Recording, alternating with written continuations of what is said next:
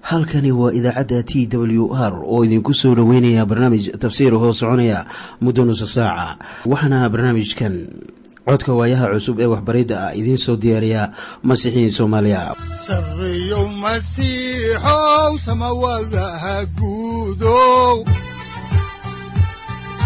Siraadki adduunkow subanaha eebow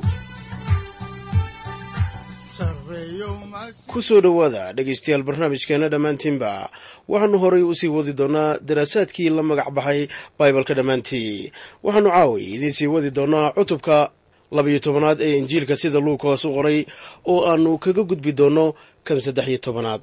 Waxaanse ugu horraynta jeclaan lahayn inaan wada dhegaysanno qhasiidada tan soo socota.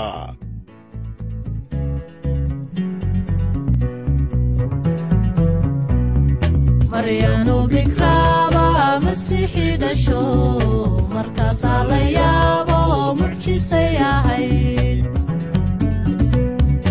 iyadoo rag moogbay malaa'ig salaanto markaasay uruudu mucjisay ahayd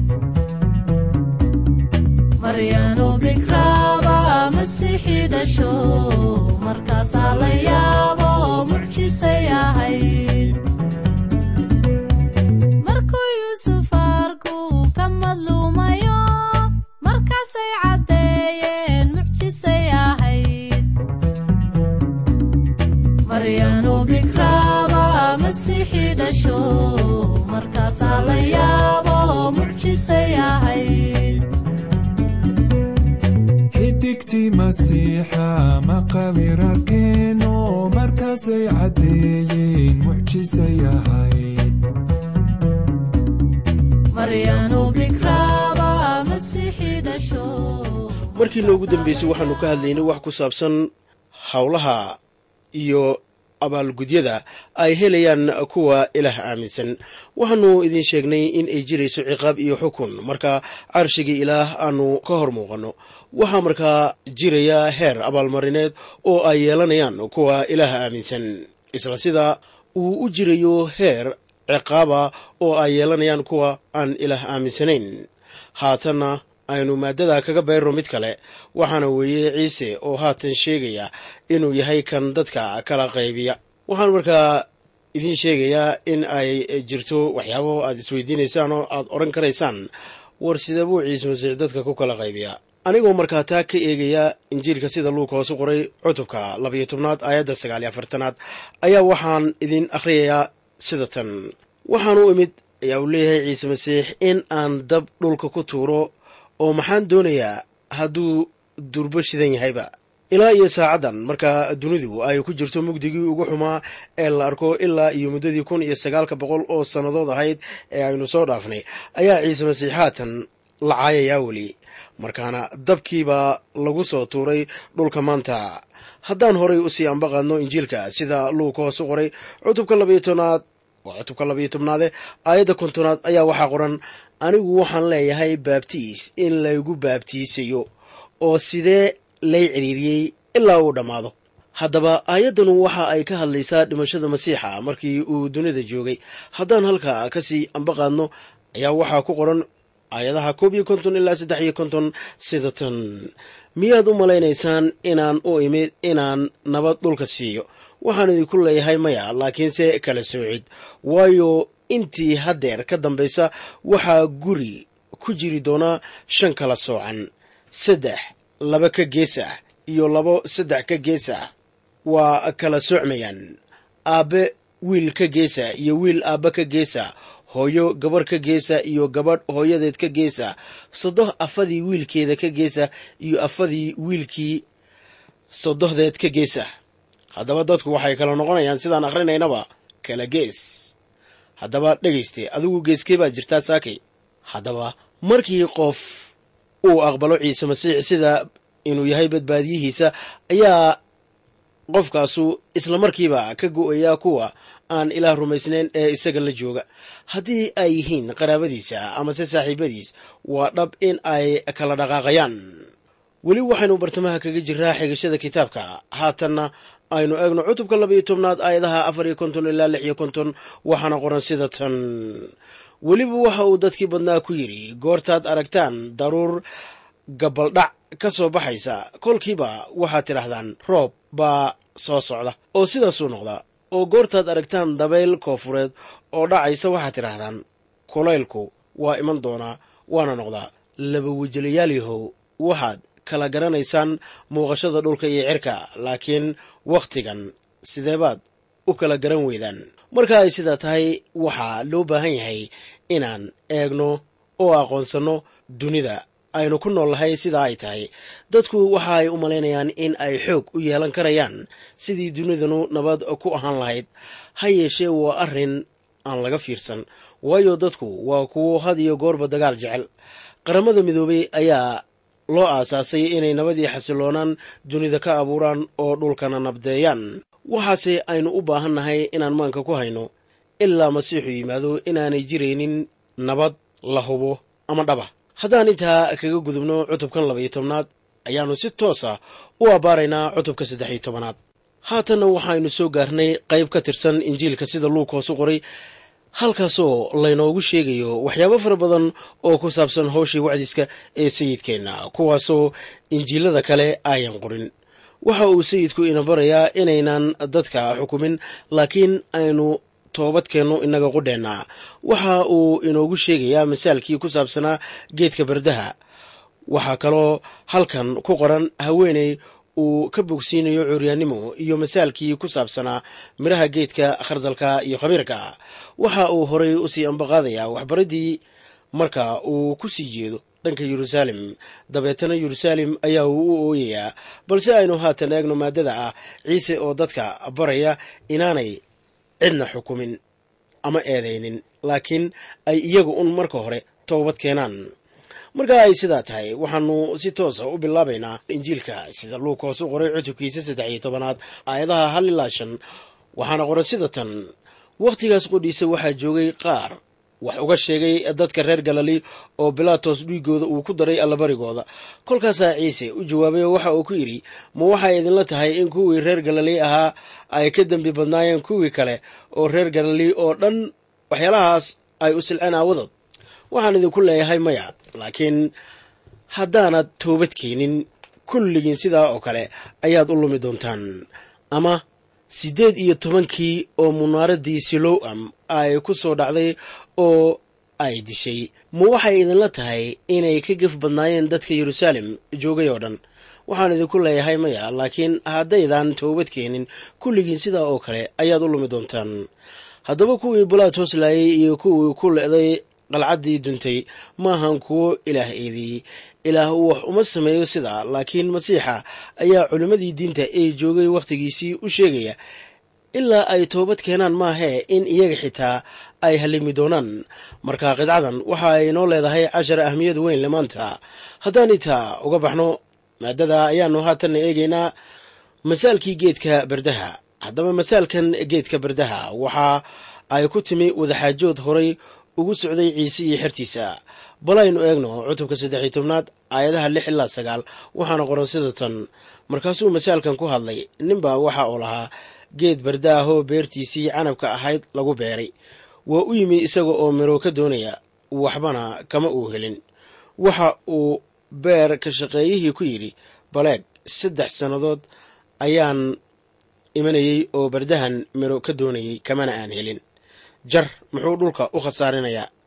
Markaasuu u jawaabay waxa uu ku yidhi sayidow sannadadanna daa ilaa aan hareerihiisa qodqodo oo aan digeeyo. Dabadeed haddii uu midhaysto wanaag. Haddii kalese waad jari doontaa. Haddaba geedka bardaha marka uusan midho lahayn ayaa loola jeedaa in uu yahay calaamad. Waa sida aan u arka ee matalaysa qaranka israa'iil haddaba kii lahaa geedka bardaha waxa uu doonayaa in geedku midho dhaliyo.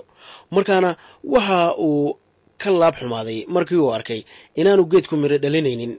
Markaana ninkii geedka lahaa wuxuu yeelanayaa xaqa ah inuu geedkiisa midho ka goosto. Haddiise wax midho ah uu ka waayo waxa uu xaq u yeelanayaa inuu geedka gebigiiba gooyo. Israa'iil waxaa laga ballanqaaday barako haddii ay ku socdaan dariiqa ilaah siiyey iyaga. Waxaa kaloo loo ballanqaaday habaar haddii ay ka bayraan dariiqa ilaah oo diidaan nuurka. Qaranka waxaa la siiyey danayn khaas ahaaneed waxaana loo diyaargareeyey inay midho dhaliyaan. Waa khasab markaa in ay midho dhaliyaan laakiin wax midho ah ma ayan dhalin. Israa'iil waxa ay diiday masiixa oo waxaabay yidhaahdeen dhiiggiisu annaga iyo carruurtayada dushooda ha ahaado. Haddaba israa'iil waxaa la soo gudboonaaday ciqaab dhanka ilaah uga timi waxaana lagu kala yaaciyey qurumaha dunida. Haatanna aynu eegno maaddada ah ciise oo bogsiinaya haweeney cuuryaana haddaan horay u sii ambaqaadno injiilka sida luug hoose qoray cutubka saddex iyo tobnaad aayadaha toban ilaa afar iyo toban ayaa waxaa qoran maalin sabtiya sunagogyada midkood ayuu wax ku bareeyey oo baleeg waxaa joogtay naag siddeed iyo toban sannadood cudur qabtay wayna isku soo jabnayd mana ay kari karin in ay istoosiso ciise goortuu arkay ayaa uu u yeeray oo ku yidhi haweentoy cudurkaaga waad ka furan tahay. Kolkaasuu gacmihiisa saaray oo kolkiiba way toosnaatay oo ilaah bay ammaantay. Kii sunagoga u sarreeyey ayaa caro ku jawaabay waayo ciise maalintii sabtida ahayd ayaa uu wax bogsiiyey. Waxaana uu dadkii badnaa ku yidhi waxaa jira lix maalmood oo ay tahay in dadku shaqeeyaan maalmahaas haddaba kaalaya ha laydin bogsiiye ee ha imanina maalinta sabtida. Haweenaydan waxaa hayay cudurkii ugu xumaa ee lagu qoro kitaabka quduuska. Waxaa naagtanu qabtay gasar. Dhibaataduse ma ahayn in sayidku bogsiiyey haweenaydan laakiin waxa weeyey inuu iyada la bogsiiyey ama iyada la bogsiiyey maalin sabtiya.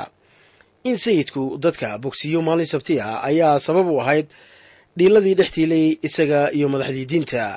Naagtan ku habsaday ruux cuuryaamiyey iyada ilaa iyo siddeed iyo toban sannadood ayaa haatan la bogsiiyey haddaba way dhib badan tahay in la turjumo nidaamkii doctor luukos u sharaxay xaaladdeeda waxa uu inoogu fasirayaa cudurka naagta hayay hab waafaqsan cilmiga dawada. Jiradii haysay waxay ahayd mid aad iyo aad u xun ama daran waayo cudurkaa haya dartii way soo gudatay. Naagtan masaakiinta ahi si quman uma ayan istaagi karin. Waxaa haddaba halkan jooga naag xaalad xun ku jirta waana ay ahayd qof aad looga naxo muuqaalkeeda. Sida abaarta ana cudurkan haya naagta waa kii ugu xumaa ee sayidkeenu bogsiiyo markii uu dunida joogay. Haddaan horay u sii ambaqaadno injiilka sida luuk hoos u qoray cutubka saddexiyo tobnaad aayadaha shan iyo toban ilaa lix iyo toban ayaa waxaa qoran sida tan laakiin sayidka ayaa u jawaabay oo ku yidhi laba wejelayaal yahow mid kasta oo idinka mid ah miyaanu sabtida dibigiisa ama dameerkiisa ka soo furin golaha oo uu wadin in uu soo waraabiyo. Oo naagtan oo ina ibraahima oo shayddaanku siddeed iyo toban sannadood xiray miyaanay lahayn in maalinta sabtida ah laga furo xidhmadaas haddaba waxaan qirayaa inaanan garanaynin waxa naagtan shayddaanku u xiray muddadaas dheer sida muuqata ma ayan ahayn qof shaqsiyaddiisu xun tahay maadaama ay si joogto ah uga soo qaybgeli jirtay sinagoogada iyadoo weliba xaalkeedu xun yahay. Sinagoogadu waa meesha dadka yuhuud ahi ay ku kulmaan maalmaha sabtida. Waxay ahayd sinagoogada haddaba meeshii dhakhtarka weyn ugu sheegay iyada in xariggii shayddaanka laga furay. Su'aasha ku taxluuqda hawsha la qabanayo maalinta sabtida ayaa ilaa maanta keenaysa dood kulul. Haddaba tan ahmiyadda lehi waxa weeye inaan lagu murmin wax ku saabsan diin laakiin waa in lagu camal falo. Haddaan horay u sii ambaqaadno xigashada kitaabka ayaannu haatan eegaynaa aayadda toddobiyo tobanaad waxaana qoran goortuu waxaa siriyey cadaawayaashiisii oo dhan way wada ciiboobeen. Dadkii oo dhanna ayaa ku reereeyey wax waliba oo ammaanta lahaa oo uu falay marka dadka inkastoo ay isaga si farxad leh ku maqleen ayaan horay u raacin isaga. Waa suuragal in diin lagu dheganaado. Waxaad garan karaysaa jawaabaha oo dhan oo waxaad khibrad u yeelan karaysaa doodda laakiin su'aasha meesha taali waxa weeye miyaad weliga niyaddaada siisay masiixa? Wax taas beddelayaa ma leh. Miyaad shaki qabtaa ama shaki kaa buuxaa miyaad wareersan tahay amase dhib ku hayaa miyaad cakiran tahay oo culaabi ku saaran tahay ama saaran tahay noloshaada. Haddii aad sidaa tahay uu imow ciise masiix adiga oo culaabtaada iyo dembiyadaadaba wata waxaad u iman karaysaa wakhti kasta. Ilaah waa kuu diyaar inuu qaabilo baahidaada oo culaabta ku saaranna lagaa dejiyo. Haatanse waxaannu eegaynaa maaddadii kale oo ah masaalkii ininkii khardalka iyo khamiirka haddaan horay u sii amba qaadno injiilka sida luug hoosu qoray cutubka saddex iyo tobnaad aayadda siddeed iyo toban ilaa iyo aayadda koob iyo labaatanaad ayaa waxaa qoran sida tan. Haddaba waxa uu yidhi boqortooyadii ilaah maxay u eg tahay oo maxaan u ekaysiiyaa? Waxay u eg tahay inii khardala oo nin qaaday oo beertiisa ku riday oo ay baxday oo geed dheer noqotay. Shimbiraha cirkuna laamaheeda ku degeen. Haddana waxa uu yidhi maxaan boqortooyadii ilaah u ekaysiiyaa waxay u eg tahay khamiir naag intay qaaday ay saddex qiyaasood oo bur ah ku dhex qooshtay ilaa ay wada khamiireen. Geedka khardalka ayaa ah astaanta fikrad ahaan tilmaamaysa muuqaalka kore ee masiixinimada taasoo ay hareeyeen ururo iyo madhabado fara badan iniinta khardalka waa dhir laakiin maahan geed intii ururada masiixiyiintu ay iscelin lahaayeen ayaa waxaa jira koritaan xawli ku soconaya waxaana ka lumaya dabiicaddoodii dhabta ahayd markii ay weynaadaan. Shimbiraha ayaa noqonaya furaha masaalkan shimbiruhu waxaay u taagan yihiin shayddaanka kaasoo xoog ku leh masiixinimada iyo weliba kiniisado fara badan. Haddaba khamiirku uma taagna injiilka laakiin waa mabda khuseeya sharka. Khamiirku wax wanaagsan uma taagna markaan eegno kitaabka quduuska sida uu u isticmaalo. Haddaba waxaa jira urur diimeedyo ku doodaya in haddii diintooda la soo raaco oo dadku ay abyaan ay noqonayaan kuwo badbaada. Laakiin waxaan idiin sheegayaa in badbaadadu ay ku timaado oo keliya in la rumaysto ciise masiix sida kitaabku leeyahay. Haddaba haddaan dib ugu noqdo faalladii ayaa ereyga khamiir waxaa lagu arkayaa kitaabka quduuska sagaashan iyo siddeed goor. Shan iyo toddobaatan goor ayaa waxaa lagu qoray kitaabka axdigii hore. Saddex iyo labaatan goorna waxaa lagu qoray kitaabka axdiga cusub. Waxaa mar waliba loo isticmaalaa fikrad khaldan. Inkastoo dad badani ay la tahay in khamiirku u taagan yahay injiilka oo gaaraya dunida oo dhan haddana dadkaasu si khaldan bay wax u fahmeen. Haddaba ma jiraan boqortooyo oo wax nabad ah la heli maayo ilaa masiixa dunida uu ku soo noqdo oo uu ka taago boqortooyadiisa. ciidan mooyaane. Kiniisadan haatan jirtaa ma keeni karayso boqortooyadiisa. Welibana ururdiimeedyada kale ayaan keeni karaynin wax nabad ah. Wakhtiga uu doorto ayaa masiixa qudhiisu waxa uu dunida ka taagi doonaa boqortooyadiisa haatanna aynu eegno maadadan kale ee ah ciise oo waxbariddiisii sii wata isaga oo ku sii jeeda yeruusaalem haddaan xigashada injiilka halkii idinka sii wadno ayaanu eegaynaa injiilka sida luuka u qoray cutubka saddex iyo tobnaad aayadda labaiyo labaatanaad waxaana qoran sida tan. Oo waxa uu dhex maray magaalooyin iyo tuulooyin isaga oo waxbaraya yeruusaalemna ayaa uu ku socday. Ciise waxa uu ku sii socdaa haatan yeruusaalem luukosna wuxuu horay inoogu sheegay sida ku qoran cutubka sagaalada injiilkan uu qoray. Oo aan hore u soo dhaafnay aayadda koob iyo kontonaad sida tan. Goortii wakhtigii isaga kor loo qaadi lahaa uu soo dhowaaday waxa uu wejigiisa u jeediyey inuu yeruusaalem tago. Haatan waxa uu ku sii jeedaa halkii uu ku dhiman lahaa waana yeruusaalem. Taasuna waxa ay ahayd safarkii ugu dambeeyey ee badbaadiyaheenna. Haddaan horay u sii ambaqaadno injiilka sida luukas u qoray cutubka saddex iyo tobnaad aayadaha saddex iyo labaatan ilaa soddon ayaa waxaa qoran sida tan. Mid baa waxa uu ku yidhi sayidow ma yar yihiin kuwa badbaadaya. Waxa uu ku yidhi aada u dadaal inaad iridda cidhiirisan ka gashaan waayo waxaan idinku leeyahay qaar badan ayaa dooni doonaa inay galaan mana kari doonaan. Goortii ninkii guriga lahaa kaco oo albaabka xidho oo aad bilowdaan inaad dibadda istaagtaan oo aad albaabka garaacdaan idinkoo leh sayidow naga fur isaguna wuu u jawaabi doonaa oo idinku odhan doonaa garan maayo meeshaad ka timaadeen. Markaasaad bilaabi doontaan inaad tidhaahdaan hortaada ayaanu wax ku cuni jiray oo ku cabi jiray oo jidadkayaga ayaad wax ku bari jirtay. Markaasuu odhan doonaa waxaan idinku leeyahay garan maayo meeshaaad ka timaadeen. Iga taga kulligiin kuwiinna xaqdarrada ka shaqeeya halkaa waxaa jiri doona baroor iyo ilkajiriqsi goortaad boqortooyadii ilaah ku aragtaan ibraahim iyo isxaaq iyo yacquub iyo nebiyadii oo dhan oo idinkana dibadda laydiin tuuray. Waxay ka iman doonaan bari iyo galbeed iyo waqooyi iyo koonfur waxayna dhex fadhiisan doonaan boqortooyadii ilaah. Ogaada kuwa ugu dambeeya ayaa ugu horrayn doona kuwa ugu horreeyana way ugu dambayn doonaan. Wixii keenay in su'aal la isweydiiyo ayaa adag haatan in la sifeeyo. Lagase yaabo in su'aasha ku timi si daacadnimo ah qofnimada masiixa ayaa keentay in dad badani raacaan laakiin waxa ay islamarkiiba arkeen inay tahay wax adag in la raaco. Waxaa jiray kuwo imanayay oo tegayay. Markiise uu yeruusaalem ku soo dhowaaday ayaa waxaa muuqatay kama dambaystiisii. Waxaa yimi maalin markaasoo la qoray iyagoo dhaniba way inkireen oo ka carareen si aan shaki ku jirin buu u caddeeyey in ay dhib badan tahay in la raaco. Ha yeeshee markii aan eegno sida noloshu u dabacsan tahay oo aynu u horumarray ayaa taasu noola muuqanaysaa si kale. Maadaama tanu ay tahay su'aal shaki ku jiro. Ayaannu ciise si toosa kaga jawaabin. Waxa uu ninka ku yidhi marka hore waa in ay kuwa xaqiiqsan tahay inaad badbaaddo. Wixii intaa ka dambeeyeyna sayidku waxa uu caddeeyey in kuwo badan ay dambaabayaan kuwaasoo aan ahayn wiilashii ibraahim iyo isxaaq.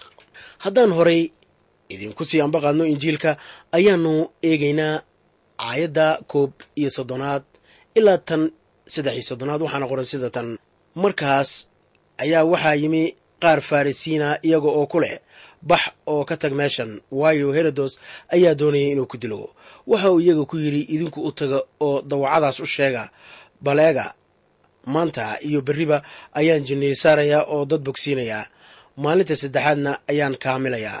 Laakiin waa inaan socdo maanta iyo berri iyo maalinka xigtaba waayo ma noqon karto nebi in uu ku dhinto yeruusaalem dibaddeeda digniinta ka timid farisiinta ayaa ciise waxa uu ku sheegay herodos inuu yahay dawaco marka uu sidaa leeyahay maahan in uu xayawaan yahay laakiin mararka qaarkood dadku waxa ay u nool yihiin sida xayawaanka oo kale sayidkeennu waxa uu intaa inagu siinayaa qorshaha dahsoon ee furashadiisa iyo saraakiciddiisa.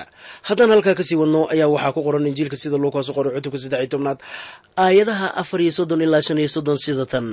Yeruusaalemay yeruusaalemay tan nebiyada dishooy oo kuwa loo soo diray dhagxisooy intee baan marar badan jeclaaday inaan carruurtaada u soo ururiyo xitaa sida doorada carruurteeda baalasheeda hoostooda ugu ururiso. Laakiin idinku ma aydan jeclayn.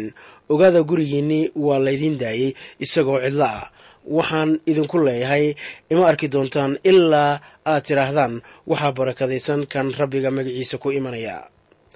Mar kale ayuu sayidku muujiyey jacaylka iyo danaynta uu u hayo yeruusaalem taasoo ahayd caasimaddii uu ku dhiman lahaa.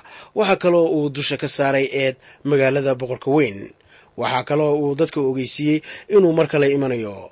Marka kale ee uu imanayo ayaa waxaa dhici doontaa in uu si guulleh ku soo geli doono magaalada yeruusaalem haatanna aynu si toosa u bilowno saaxiibayaal cutubka afar iyo tobnaad haddaba luukos oo keliya ayaa qoraya fursadda wanaagsan ee sayid ciise masiix cashada ugu imanayo guri uu leeyahay nin farisiya oo ciise waxa uu cashar siinayaa martidii iyo ninkii guriga lahaa oo uu kula hadlay masaalka yaabka lahaa ee ku saabsan ninkii martida ahaa ee meel uusan lahayn ama mudnayn fadhiistay waxaa kaloo ku qoran cutubkan laba masaal oo kale oo aan ku qorayn injiilada kale waxaana weeye dhismaha qalcadda ama rukunka sare ee minaaradaha iyo boqorka kuwaas oo dhan waxa ay la xiriiraan xernimada waxaana uu ku soo gebagabaynayaa masaalkii cusbada dhadhankeeda gabta amase aan dhadhan yeelan.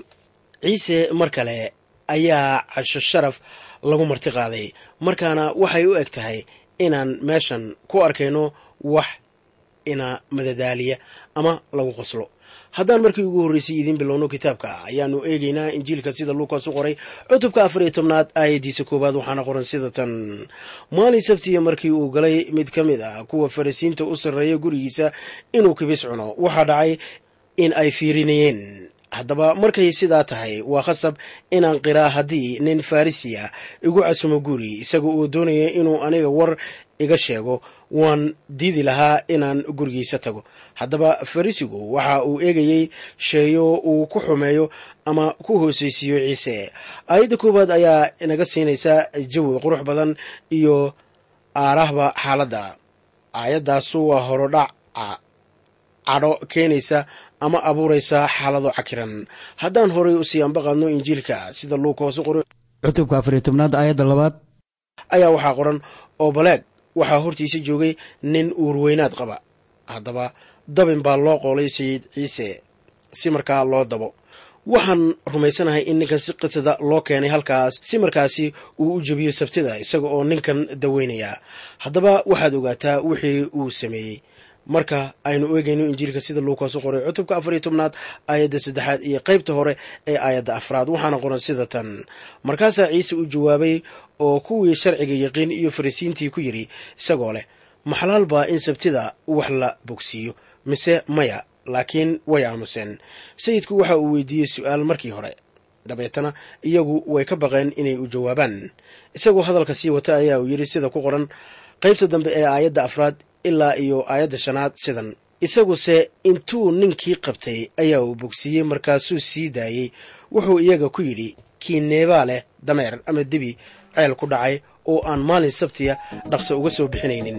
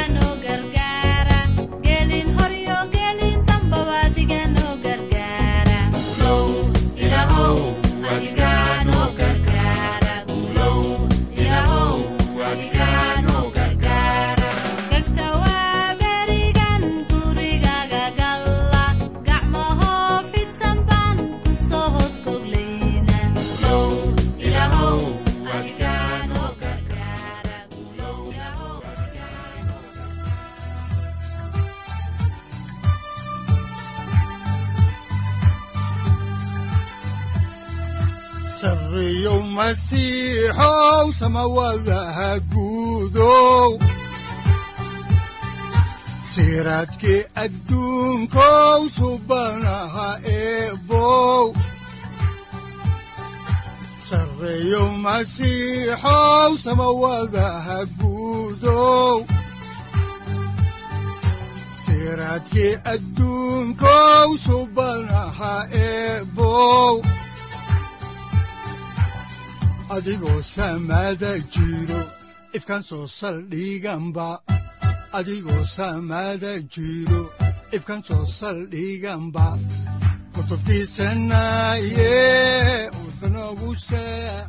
halkani waa t w r idaacadda t w r oo idinku leh ilaa ha idin barakeeyo oo ha idinku anfaco wixii aad caawi ka maqasheen barnaamijka.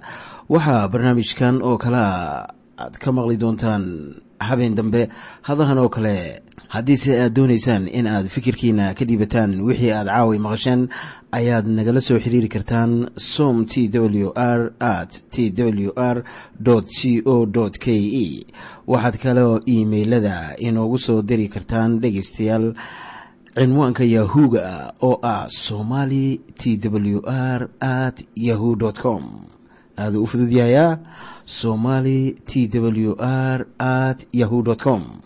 Waxaa kaloo aan idin siin doonaa website aad ka maqashaan barnaamijyada soomaaliga ah si kuwiina doonaya in ay koorasyo ka qaataan bibalka ay ugu suurowdo ama ugu hirgasho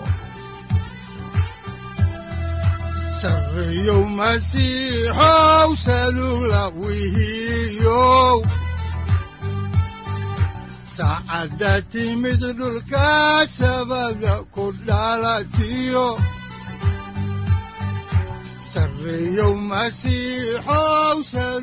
halkani waa t w r oo idiin rajaynaya habeen baraare iyo barwaaqaba leh inta aynu ka gaari doono wakhti aynu ku kulanno barnaamij la mida kan caawayay aad maqasheen waxa aan idinku leeyahay nabadda ciise masiix ha idinku badato xagga jirka iyo ruuxaba aamiin